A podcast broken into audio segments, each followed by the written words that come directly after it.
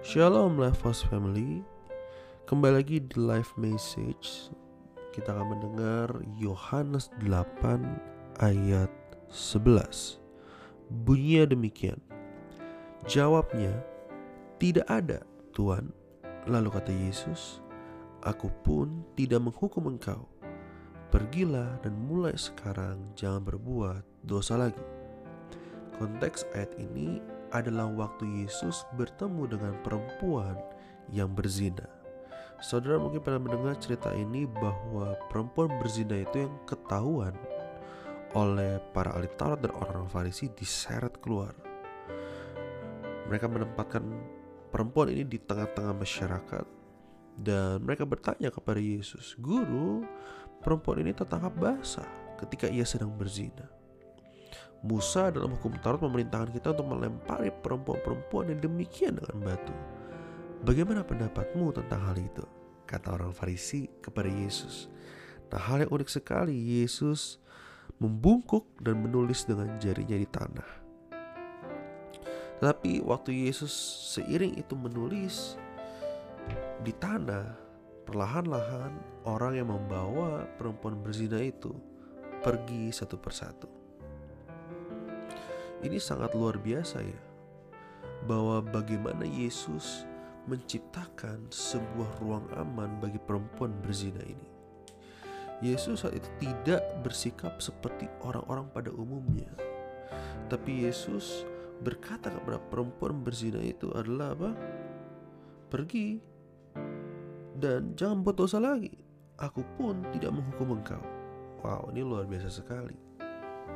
Ketika yang lain ingin menghukum orang berdosa ini. Tapi Yesus berkata, "Aku tidak menghukum engkau." Nah, di sini ada ada sebuah ruang aman yang Yesus ciptakan bagi orang berdosa. Nah, sikap seperti ini perlu kita teladani dalam Yesus. Seberapa banyak di antara kita kalau kita bertemu orang yang rasanya kita berdosa gitu ya, yang rasa itu orang berdosa, kita langsung cepat menghakimi, cepat menghukum, cepat menilai dengan diri kita sendiri. Tanpa kita menyadari bahwa kita pun adalah orang-orang berdosa. Nah, seharusnya ruang aman diciptakan. Kita perlu berkata kepada orang berdosa itu adalah bahwa aku tidak menghukum engkau. Namun memang kita perlu sadari bahwa kalimat Yesus tidak berhenti di situ. Kalimat Yesus berkata, "Pergi dan jangan buat dosa lagi." Awalnya memang ada sebuah ruang aman untuk perasaan orang berdosa. Tapi ada suatu hal yang jauh lebih mulia, jauh lebih penting yaitu apa? Keselamatan jiwa. Ada ruang aman yang Yesus juga mau sampaikan bahwa you tuh harus pergi dan jangan berdosa lagi. Justru yang paling penting bukan soal aku memberi engkau ketenangan dalam hatimu bahwa aku menerima engkau, tapi saat ini aku juga pengen memberi ketenangan sejati, ketenangan abadi kepadamu. Yaitu untuk apa? Jangan buat dosa lagi, karena dengan demikian engkau akan hidup bersama-sama dengan aku.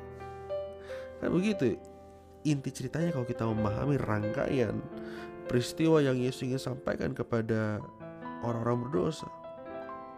Dia menjadi sahabat orang-orang berdosa. Dan tidak tidak hanya menjadi sahabat, dia juga menjadi seorang penyelamat, seorang penasehat untuk mereka-mereka supaya mereka berhenti dari perbuatan dosa mereka. Nah, dari sini kita melihat bahwa kasih karunia bergerak seiringan dengan kebenaran. Grace dan truth itu bergerak seiringan. Ya Bapak Ibu Saudara, dalam menghadapi dunia hari ini, pastikan Bapak Ibu Saudara punya dua hal ini, grace and truth. Ada ruang aman yang sudah ciptakan itu grace, tapi ada sebuah nasihat itu truth untuk orang untuk kita kasih tahu kepada orang tersebut bahwa jangan buat dosa lagi. Demikian pula dalam hidup kita hari ini kalau hari ini kita adalah orang paling berdosa dan hari ini saya mau sampaikan bahwa kita semua diterima oleh Tuhan, tapi lebih daripada itu Tuhan juga perintahkan kepada kita untuk kita stop berbuat dosa. So Bapak Ibu Saudara, ada ruang aman bagi Bapak Ibu Saudara. Saudara diterima oleh Tuhan dan hal yang lebih penting daripada itu ada keamanan sejati yang Tuhan ingin sampaikan yang Tuhan ingin di mana kita berada yaitu supaya kita berhenti berbuat dosa. Tuhan Yesus menyertai kita semua.